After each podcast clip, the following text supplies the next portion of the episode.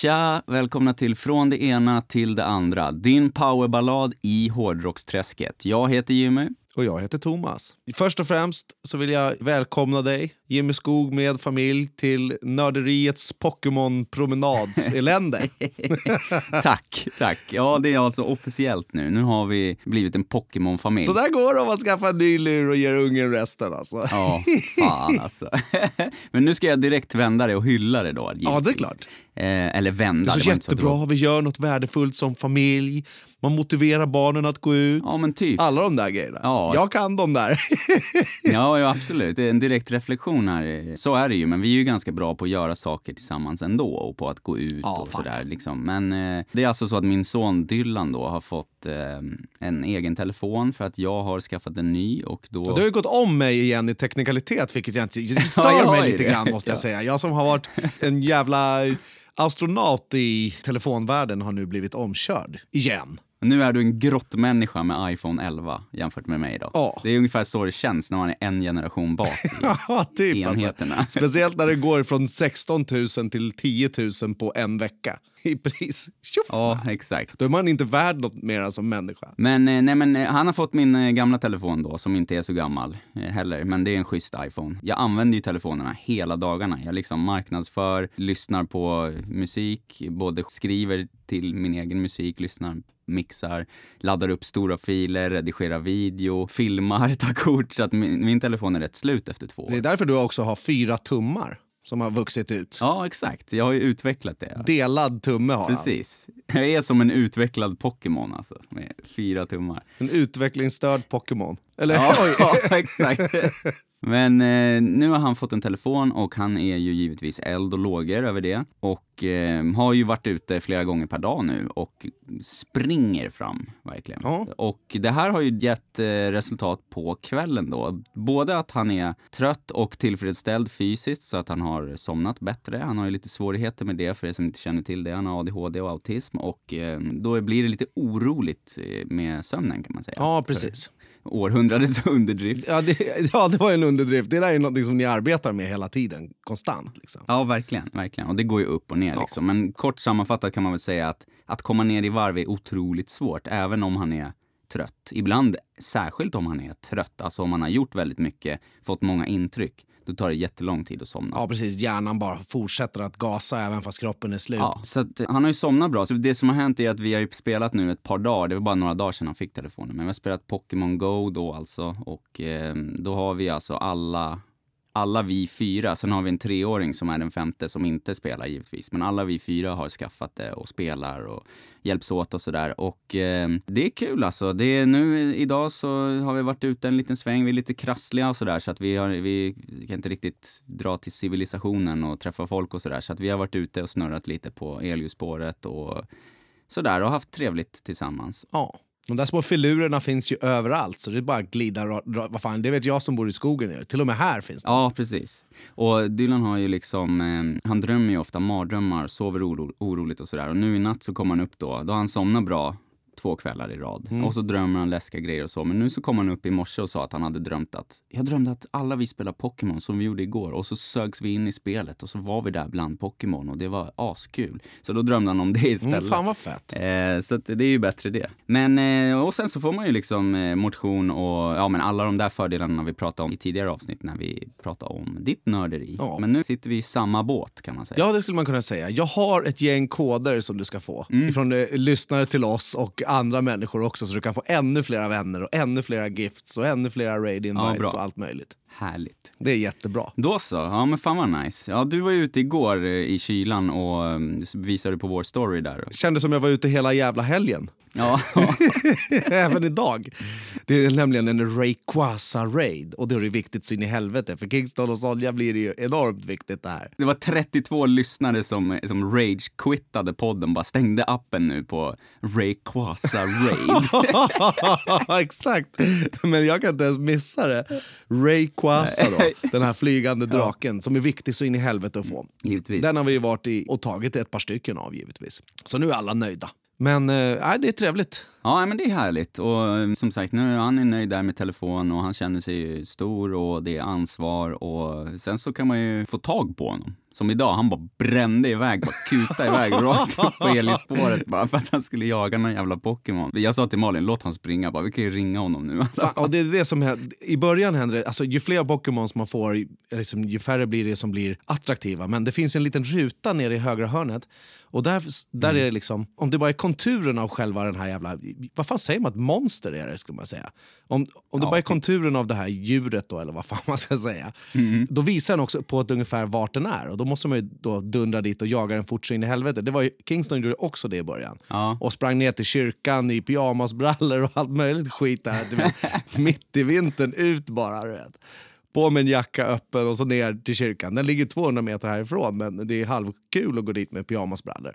Men det gjorde han många, många gånger. Så det får man ju räkna med. Då är det ju bra att ha, att välja. Jag hör att du säger att ni går på elljusspåret. Det är ju jättemycket bättre än att gå längs D18 då. Ja, ja, absolut. I överkörarsyfte. För den risken finns ju också. Och det skiter ju ungar i. Ja. Ja, det känns som bra att träna här. Vi bor nära stan men i en stadsdel som ligger vid och skog. Så det känns ju bättre här än att skicka ner honom på stan direkt. Liksom. För han känns som han är lite för i sin telefon när han jagar. Liksom. Ja, fan ja. Så Man måste träna upp han lite. Men då är det ju bra att springa runt lite till skogs. För de finns ju som sagt överallt de där jävlarna. Jag rekommenderar det eh, till er som har barn som är halvsugna på att gå ut och om ni vill göra någonting tillsammans liksom för att närma er barnen och deras intressen så skaffa Pokémon Go. Tycker ni det är för nördigt? För det är ju verkligen, alltså det ser ju rånördigt ut. De här kantiga figurerna och tecknat och hit och Ja, dit. fan. Då kan man skaffa en, det här Jurassic World Alive som, där man jagar dinosaurier och, och grejer. Så det finns ju så, olika sådana där spel. Det finns även ett Walking Dead-spel har jag hört, men inte provat.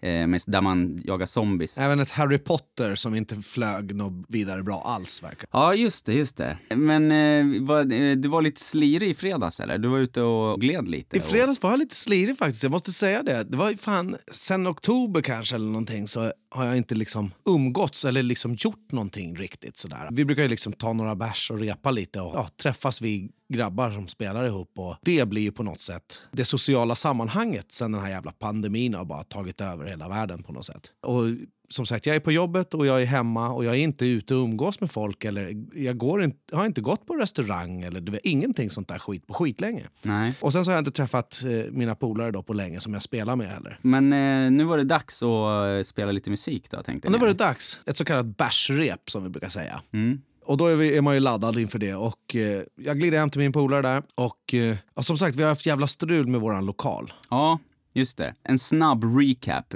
Previously. On. Först hade vi en lokal där ventilationen la ner. Då var vi tvungna att flytta. Och sen fick vi en lokal där vattnet läckte in. Då var vi tvungna att flytta. Så fick vi nu en lokal där vi kan vara i. Och då la företaget ner. Så nu är vi tvungna att flytta. Det var lilla recapen. ja, det var verkligen... Jag drog. Så fort gick det bara.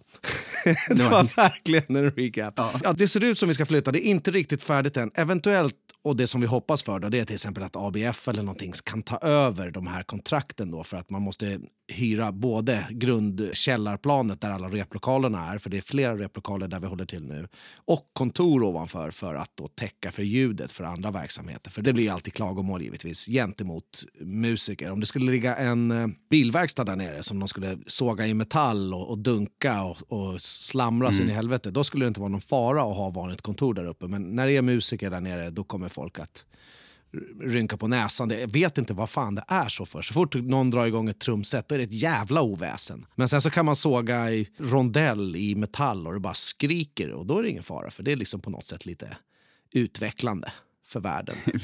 ja, men jag, jag, har inte förstått det där. Det är lite, jag känner mig lite småsint och irriterad över just den grejen. Men eh, det som vi har fått reda på är att det kommer stänga första november. Mm. Våran nuvarande replokal. Eh, så vi börjar ge, givetvis leta efter en ny då. Direkt. Mm. Eh, och då har vi några grannar där nere som vi är polare med. Och han gav sig också in i det här. Så, så har vi hittat en ny lokal då, på ett annat ställe i Norrtälje. Mm. Så i fredags så hämtade min polare som vi skulle spela med lite, hämtade han upp mig och vi åkte till eh, den nya lokalen för att kolla. Och det är en delad lokal med en annan snubbe. Och den andra snubben, han var där så vi kunde komma in och titta matta och allting sånt där. Så det är mycket större. Det skulle kunna bli hur bra som helst. Om vi flyttar nu då en fjärde gång här under 365 dagar eller vad fan det blir så kommer vi att behöva bygga om och måla om och lägga nytt golv och sätta galler och köpa larm och byta dörr och bygga hall och du vet så här saker. Det är liksom flera lokaler. Det är några små lokaler som vi kommer att använda som kontor och lager och så kommer vi ha ett större rum då som vi styckar av för musik och replokal och studio. Då. Mm. Eh, så där var vi och kollade. Det är skitfint och det skulle vara verkligen, verkligen asbra om det kunde bli så. Men allra bäst är ju om det inte lägger ner då. Som sagt, så att... Eh, ja, precis. Så det är fortfarande lite replokalslimbo där. Alltså ni, ni väntar eh, beslut så ni vet huruvida det kommer fortsätta eller inte. Ja, fan. den vi, verksamheten vi vill ju inte skriva på kontrakt för det här nya. Nu kommer han som är där nu, han kommer inte att flytta ut först efter sommaren. Men eh, lokaler är svårt att få. Nu, är, nu finns det ju mer än vanligt eftersom många verksamheter har lagt ner och grejer. Men eh, annars är det ju puligt att få tag på lokal. Och den här nya lokalen den är mycket dyrare. Så att då kommer vi dela den med ett annat band och eh, försöka söka studiestöd och grejer för det också då, då såklart. Mm. Hålla studiecirkel där och eventuellt ta in ett till band och kanske bygga ett proddrum då eller du vet så här. Som man får göra i de här verksamheterna för att det är dyrt att lägga ut 10 000 på fyra pers varje månad. Ja, absolut. Bara för att, träffas en gång i veckan. För det, det är inte så att man är överflödigt med tid och kan vara där fyra timmar om varje dag eller hela helgen eller du vet såna här saker. Det, blir- det, det blir ju inte så. Så att, eh, ja, fortfarande hänger man liksom lite löst Mm. ska jag säga, i hela den här jävla replokalsvärlden. Vilket det suger ju för jävligt tycker jag. Men det blev i alla fall bärsrep eh, i, i fredags då. Så vi drog ner och spelade lite gitarr. Och hux flux, jag blev ju rätt packad givetvis. Mm. Du vet, eh, Bra jobbat. så här sociala tillställningar som det blev. Då var man ju inte, alltså jag går ju runt och segdricker om jag dricker hemma och grejer. Men nu blev det liksom, ja då blev det lite feststämning och det var lite vackert väder och äntligen göra något annat. Du vet, så här, som när man går på semesterfeeling får man ju lite grann. Ja, precis. Fredag direkt efter jobbet också. Ja, fan ja, precis. Inte hem något emellan. Inget liksom. hem, ingenting, utan bara vidare. Så det är bara att tuta på liksom. Ja, jag blev ju packad och sen så hux flux så var det dags att åka hem. Så jag, alltså du vet, det gick på ett kick sådär va. Då har jag valt att åka bussen den här gången. Jag skulle ju kunna ha tagit en taxi lite senare men då skulle jag ha suttit närmare någon än vad jag gör på den här lantisbussen. För det var jag och en till som åkte bussen. Så att risken på den där kvällsbussen en fredag är inte särskilt stor. Och risken just på den bussen som jag åker är nästan aldrig stor. Utan jag har aldrig varit på ens en halvfull buss. Nej, det är jävligt Apropå glest. att man nu ska ha munskydd på bussen och såna här saker. Men det var jag eh, och en till och min buss kom liksom... jag gjorde något som man brukade göra förr i tiden. Som jag kom på mig själv, vilken jävla mupp jag är. Det kom en buss innan min buss. Och jag då som en, eh, en härlig samhällsmedborgare, jag tänker att jag ska vinka förbi den. Vet du att man brukade göra så back in the days? Ja, ja, absolut. Ja, ja, vinka förbi. Man vinkar förbi om man inte ska med den bussen och så vinkar busschauffören och det är lite trevligt och såna grejer.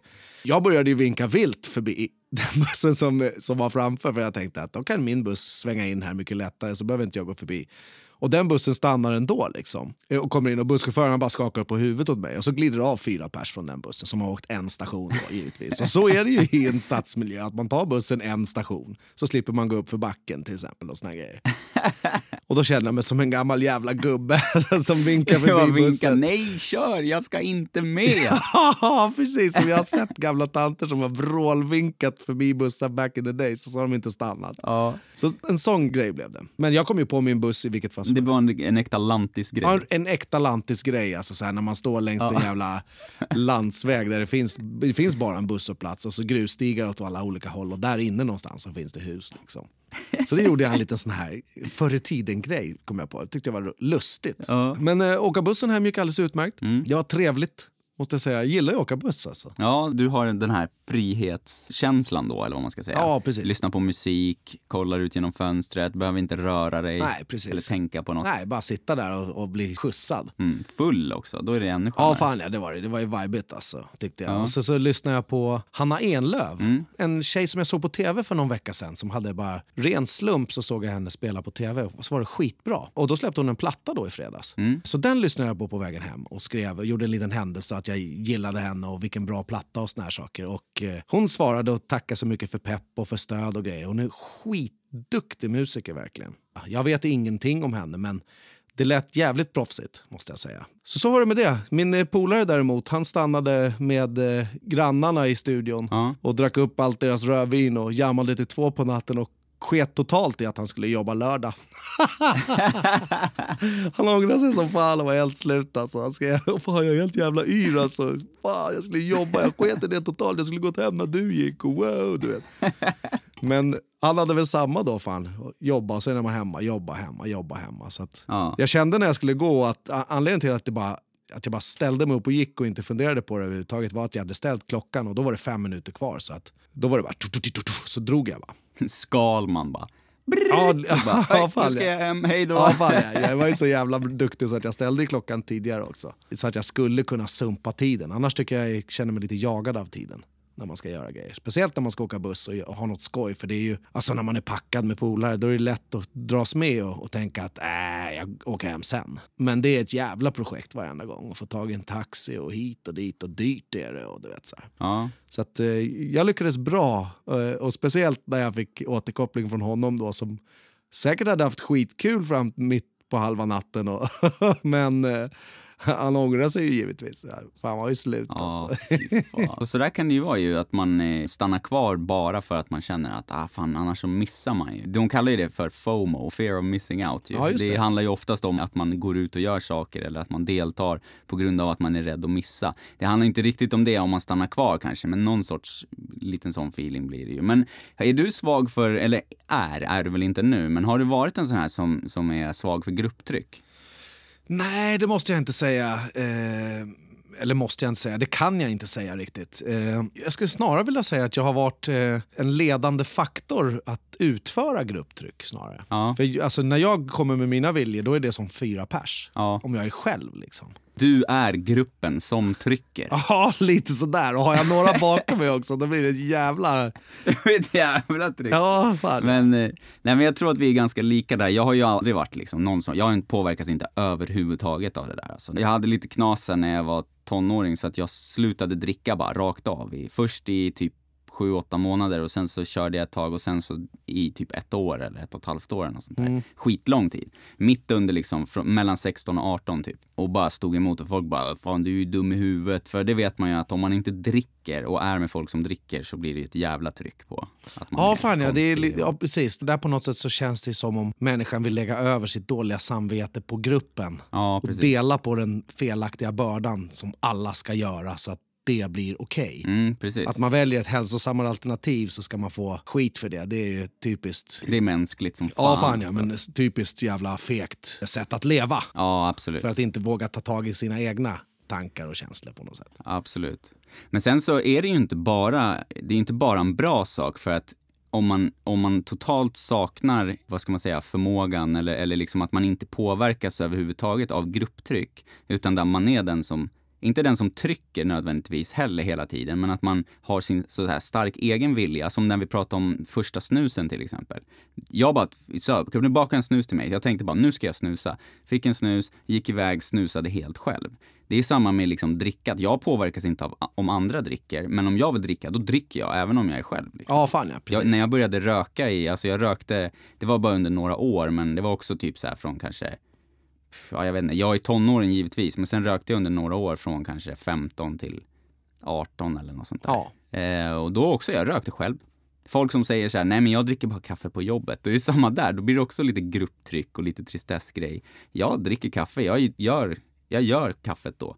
Jag går ut och tar en cigg då själv, eller vad fan som helst. Liksom.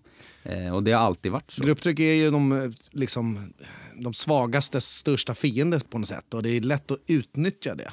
Det tänker jag mycket på nu med min äldsta grabb också, så här med grupptryck. Och de är alltid flera och såna här saker. Och Där känner jag mig lite sådär att han, han är inte så som jag var. Han har på något sätt ett mycket större socialt sammanhang än jag var. För jag var inte med så jävla många som han är och grejer. Nej. Men eh, jag tänker mycket på det och försöker prata med honom om grupptryck och att man kan tycka som man själv vill och man kan säga nej. Och är det sådär att folk dumpar en för att man inte gör som de vill, då är det värt det. Precis. Även fast det svider på något sätt. Men det är jävligt, jävligt svårt att få in det i, i barnen alltså. Jävligt svårt. Ju tidigare man liksom märker att, okej, om folk skiter på en för att man inte vill delta i någonting, framförallt någonting negativt, eller om folk klankar ner på en för att man tar ett bra beslut. Ju tidigare man lär sig att det är sunt att komma från de människorna, desto bättre. Absolut. Men sätt. det är intressant att du pratar om det. Jag är precis i det Mm. på något sätt. För att jag, eh, jag har inget bra sätt att, att lära ut det på. Nej. De, de bästa såna där lärdomar de får man ju via exempel. Ja. Eller liksom e- erfarenhet. Och det går liksom inte att lära ut erfarenheten av att skita i ett grupptryck. För det man tänker när man är liten är att man vill vara med i sammanhanget på något sätt. Mm, precis. Ja, och det är så jävla lätt att saker bara händer. Alltså om man ser till, nu menar inte jag liksom specifikt för, för barn, utan generellt, även för vuxna. Att liksom, ja men som att begå ett brott. Eller att liksom, jag vet inte, vad fan det nu än kan vara. Vara otrogen eller att liksom eh, sno någonting eller att krocka med en bil. Allting, kan, det bara händer. Liksom. Saker bara händer i livet. Det är inte som någon jävla film liksom, där det bygger upp och bygger upp och bygger upp. Utan helt plötsligt så är man bara i en situation och så har det hänt någonting och så har man nästan ingen aning om hur det har hänt. Liksom. Nej, fan är det. Grupptryck är ju liksom lite i skymundan på något sätt. Det är inte helt tydligt men en vanlig, jävligt vanlig förekommande grej som kommer från grupptryck bland vuxna det är nog fyllekörning skulle jag tro. Ja, det och det, det går det också ihop med det här själva drickandet men att man då är på fest och ska fylleköra, det på något sätt förväntas att man ska göra det. Mm. Och därav är det liksom vanligt för att festen kan man ju för fan inte missa. Nej, och precis. där är det hemliga i grupptrycket. Men hur man kommer hem det spelar ingen roll och därför blir alternativet att man då fyllkör till exempel. För det är en, en jävligt vanlig, vanlig förekommande grej just med att köra rattfull. Liksom. Ja, och jag tror att bland vuxna så är det nog mindre grupptryck. Där är det nog mer individens dåliga beslut att, att köra full. Eller att köra dagen efter för tidigt när man fortfarande är påverkad och sådana här grejer. Men unga, framförallt kanske på landsbygden, som vi har växt upp och så, där är det nog lättare att ta ett sånt dåligt beslut. Jag berättade ju det i det här avsnittet, fjärde avsnittet, Två fingrar i stjärten, så berättade jag om eh, det där när jag satte mig i en bil full som fan på rom. Eh, och att jag hade sagt nej hela dagen, hela dagen, hela dagen sa jag nej bara. Jag vill inte åka med i bilen för de söp och de körde bil. Och han som körde var 16, jag var 17. Det var inte bra. Och sen så bara, så drack jag mer och mer och det blev senare och senare. Och till slut var jag så full att jag, jag bara, ja ah, men fuck it. Liksom. Ja, det är ju en grej med alkohol också. Omdömet är ju... Ja, och det är verkligen ett tecken på att alltså, alkohol är en av de farligaste drogerna för att den är så lättillgänglig och att den Stark är den också. Det är så jävla lätt bara. Bara dricka lite till, Ja, fan, lite ja, till, lite exakt. till. Sen funkar man inte helt plötsligt. Nej, precis. Ingenting funkar efter ett tag. Det är nästan den enda gången jag kan tänka på rak arm då jag har liksom fallit för grupptryck. Ja. Ja, jag försöker tänka lite också bara så här eh, om jag fallit för grupptryck. Men det är, jag kommer till såna här grejer. Jaha, vi brukade sparka sönder telefonkiosker liksom. Och då var jag ju med, i, i, säkert först att sparka många gånger. ville det ju säkert. Ja, precis. Det är jag med. Och det, Där och det, då, det är liksom. inte så att jag känner att jag blivit påtvingad att göra saker. Utan eh, att jag mer har styrt över dem själv. Nej, jag har gjort det ändå. Alltså, det känns ju lite som, för att jämföra då, som du sa att din son då, han är inte riktigt lika som du är. Alltså ni, i den åldern, då var inte du så som han är nu. Nej. Det är ju det som du menar. Ja, fan. antar jag. Han är väl kanske mer så då att han är lite bättre på att anpassa sig till flock eh, och är lite mer i den, i både i, po- positivt liksom, i gemenskapen, men då blir det ju lätt att man hänger på dit ens flock går liksom. Medan det känns ju som att du är, du vet i Lejonkungen, den där hyenan som bara har tungan som hänger ut på sidan av käften och bara springer och gör grejer. Det känns ju som att det, det var ju mer du jag skulle vilja säga att det är jag som är Scar. Ja, i och för sig, kanske det. Han är också, i och för sig också ensam och så har han alla hyenorna med Men, sig. ja, precis. Just Men det. även på den onda Han sidan. är gruppen som trycker. Ja, på något sätt. Ja, ja så, skulle Ja, jag, det är så så. är det. Men, eh, Ja, för du var inte så bäng. Du har ju alltid varit smart. ja, fan ja, men i, i, i, prillig och illvillig i, under många år. Mm. Men eh, ja, nej, som sagt, så det är lite puligt. Sen har vi ju min andra grabb då, som är inte... Alltså du vet. Där, där finns det ingen, ingen, går inte ens att påverka honom Nej. via grupp. eh, Redan nu. Nu är han bara åtta men... Äh, det det, han är som en jävla stubbe. Han gör det som han tycker. Bara. Ja. Det känns så jävla tryggt med honom.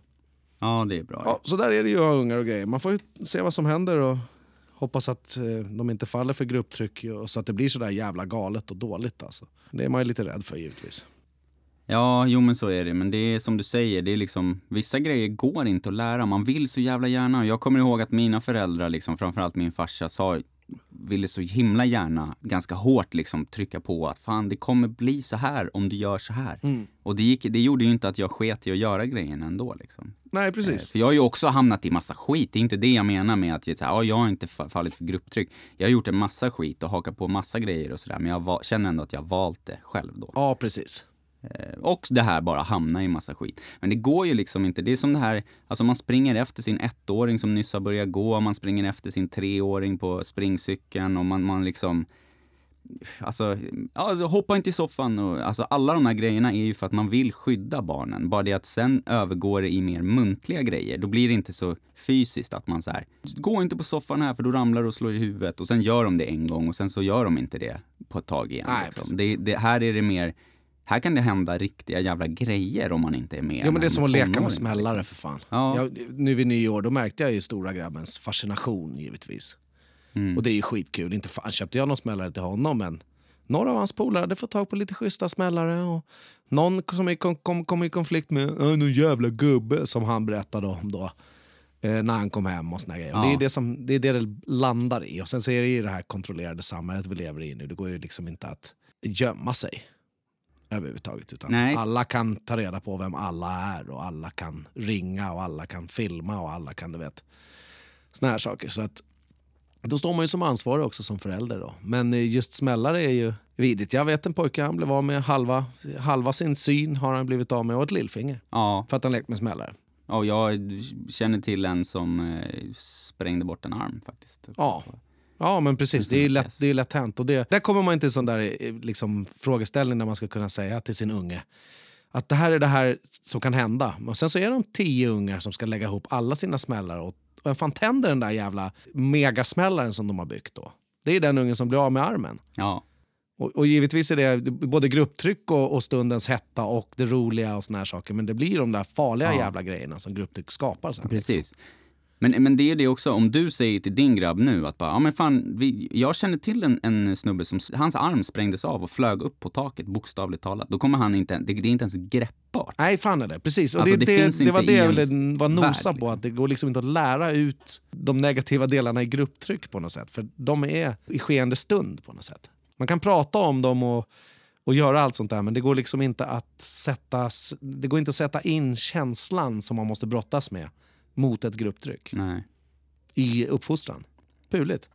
Ja, verkligen puligt alltså. Vi får göra vårt bästa helt enkelt. Det är där man landar till slut alltså. För oss själva och för våra barn. Och sen får vi hoppas att det bara smittar av sig. Ja, absolut. Från det ena till det andra. Musiker, framförallt eh, de som lever på att turnera mest. De eh, har ju, det är lite knivigt just nu kan man säga i pandemins tider. Aningen knivigt. Och eh, idag har det, är det flera, har Aftonbladet pratat med flera artister då, bland annat eh, Lisa Nilsson och Olle Jönsson som sjunger i Lasse Stefan som ett dansband och dansband lever ju framförallt på turnera och sådär och, och det är väldigt många som är alltså, alltså på gå på SOS-nivå som liksom inte tjänar några cash överhuvudtaget. Sju miljarder i Sverige sen ett år tillbaka ungefär va, är det som själva musikindustrin har då tappat. Ja, i uteblivna intäkter. Ja, uteblivna intäkter. Ja. Ja. ja inte musikindustrin. Ja, precis. För, alltså, det är ju royalties på Spotify-spelningar också. Men i, i giggande och i att hålla studiecirklar, i att musicera med andra. Och det är en, mm. en jävligt stor kulturell del givetvis. Där ja, för det som har hänt nu då, för, för att liksom bara dra ner i ett nötskal, så är det alltså coronapandemin har påverkat så pass mycket känner ju alla till så att liksom restauranger får inte ha öppet som de brukar. Eh, det finns inga liksom nattklubbar, det är inga arenor som har öppet och sådär. Och det leder till att musiker då, som man tidigare, alltså framförallt de som inte håller på med musik, har sett på tv, hört på radio och tänker automatiskt att ja, men de är safe. Fan, de har ju flera, de, har, de är ju miljonärer. Ja. Men de flesta är inte det, utan de, de liksom Alltså de får nu avskeda sina människor som jobbar med, med eh, alltså runt musik. Jo, men om man tänker ett dansband då som har en dansbandsbuss och så åker de runt i Sveriges varenda småstad och får skitmycket stålar för det under ett halvår mm. av tiden och sen gör de en skiva av det andra halvåret. Det blir ingenting av det och då liksom om, om man bara går till dansbandet då som har gått och rullat på i Sverige så jävla bra så jävla länge så att man kan tänka sig att Lasse Stefans och de lirarna de har rejält med cash. Då har man då investerat cashen i hus, i tomt, i bilar, i lite semesterboende och i att man liksom höjer hela tiden sin levnadsstandard mm. ju mera pengar man får. Och nu så finns det inga pengar kvar till det På något Precis. sätt. Det är, som om, eh, det är som att bli av med, det, ja, det blir ju som att bli av med jobbet på något sätt. Mm, och, och, och, och då vara företagsledare och, ha anställda. För det är någon som kör bussen givetvis. Han har inte heller ett jobb. Ja, nej, men det, och det var det som jag, jag läste om. Det var just något, något band då som hade, som var liksom, jag kommer inte ihåg om det var Lasse Stefans, det var någon, någon månad sedan. Anledningen till att jag sa Eh, Lasse Stefans är det enda jag kan. Dansbandet. De hade fått av, alltså de hade avskedat alla utom revisorn typ. Ja, precis. För att, ja, precis. Om, om man inte har revisor och re, påvisar rätt för Skatteverket då blir man avskedad som människa.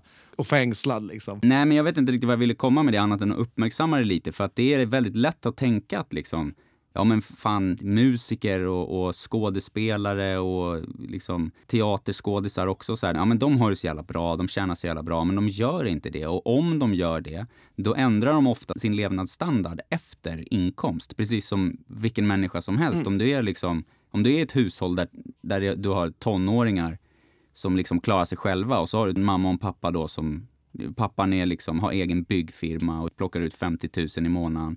Eh, mamma är enhetsledare på vårdbolag och tjänar 45 000 så du har närmare 100 000 i inkomst. Men sen så har du ett fett jävla hus, du har två privata bilar, eh, du betalar eh, alla grejer för ungarna, du har fyra ungar, eh, du har sommarstuga, du åker på resor och såna här grejer. Då går cashen åt. Liksom. Ja, de gör det. Jag vet även så här liksom, som det var någon rappare i USA som är väldigt känd och väldigt aktuell. Så han klarar sig givetvis. Men du vet en sån klassisk typisk rappare som är med diamantkedjor och tänder Ja, och, och precis. grejer. Och, och han sa det att fan, jag måste jobba hela tiden för att alltså mina räkningar bara liksom runt mitt boende och folket som liksom tar hand om det och så, det är 60 000 dollar. Precis. I Och räkningar. det ingår ju också i lite så här, i, i kulturellt arbete så ingår det, annat än traditionellt vanligt arbete då med arbetstider och såna här, som en enhetsledare till exempel, att om du är konstnär och lever på det, då måste du hela tiden producera någonting som kan köpas då. Eh, så att man hela tiden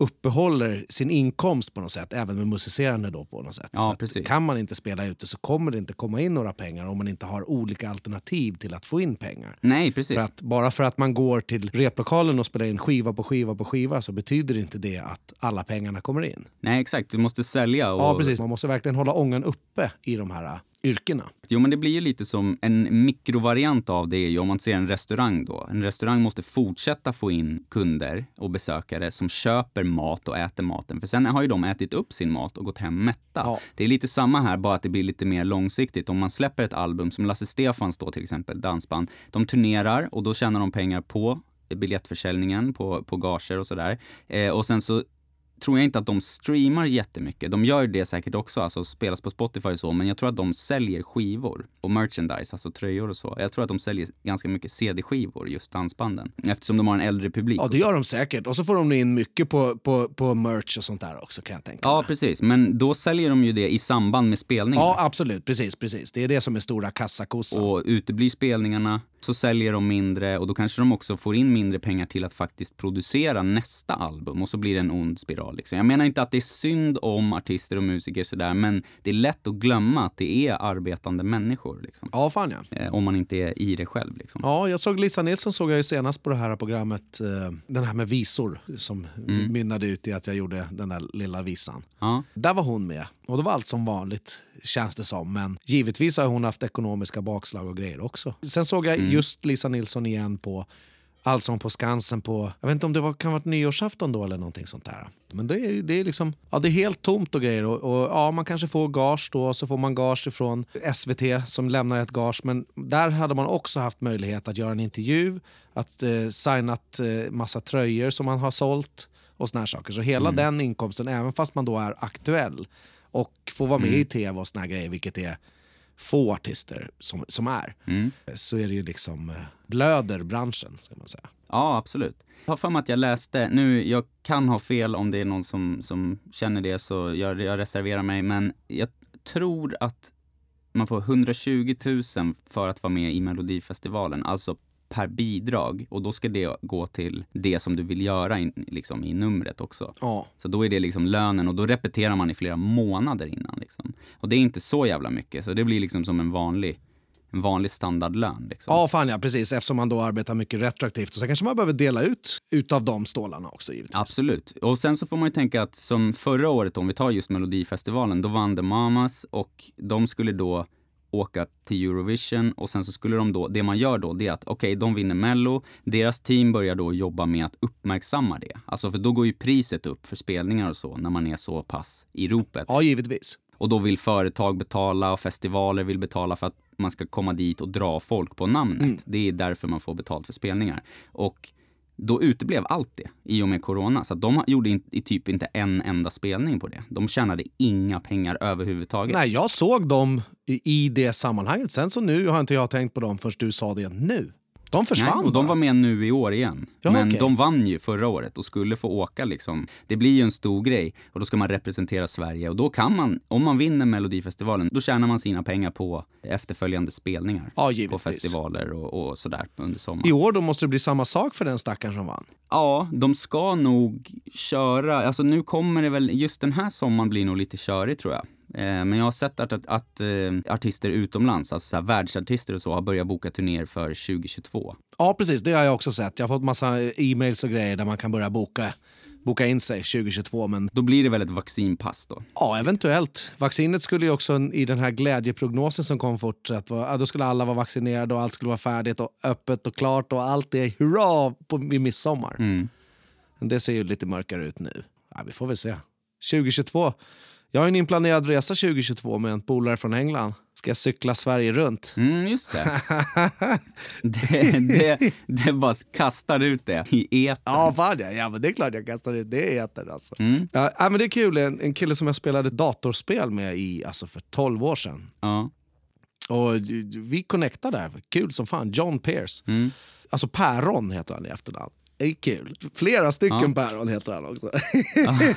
Päron i Ja, plural. fan, jag gillar det. Han hörde av sig till mig nu precis och vi har haft liksom lite kontakt. Han cyklade från Australien till England för förra året då. Mm. Eh, och sen skulle han ut på någon vidare resa men det var tvungen att avbryta på grund av pandemin. Ja.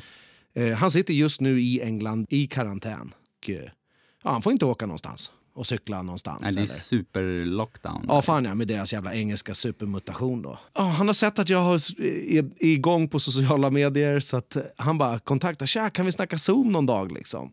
Och jag bara, ja men det är klart vi kan göra det, det är kul. Jag har inte snackat med honom på tio år. Och annat än det här att jag skrev lite att det var kul att, att se hans resa när han dokumenterade när han drog cyklingen från eh, Nya Zeeland till England. Där då. Mm. Så snackar vi på Zoom, alltså ett jävla, eller Teams-möte eller vad fan det är. Jag kommer inte ihåg. Det är så jävla många såna där appar. Alla använder lite olika bara, men det är samma funktion. Så vi snackade liksom i 45 minuter, en timme ungefär. Och det landade i att sommaren 2022, då tar vi och cyklar Sverige han och jag. Och jag har aldrig träffat honom. Eh, Men jag välkomnar det här givetvis. Han är fett kul och bra snubbe. Jag har ju 100 timmar samtalstid med honom. Ja. Eh, Som är, Det, det där blir ju, alltså man känner ju varandra nästan bättre då, när man har haft sån tid, när man bara gör en sån grej. Och det blir, den här distansen skapar ändå närhet, typ. Att man pratar med varandra i headset liksom runt spelet och så pratar man om massa andra grejer som man kanske inte pratar med andra om heller. Ja, fan ja, absolut. Det blir ju det. Ja, vad fan ska du ha på din macka?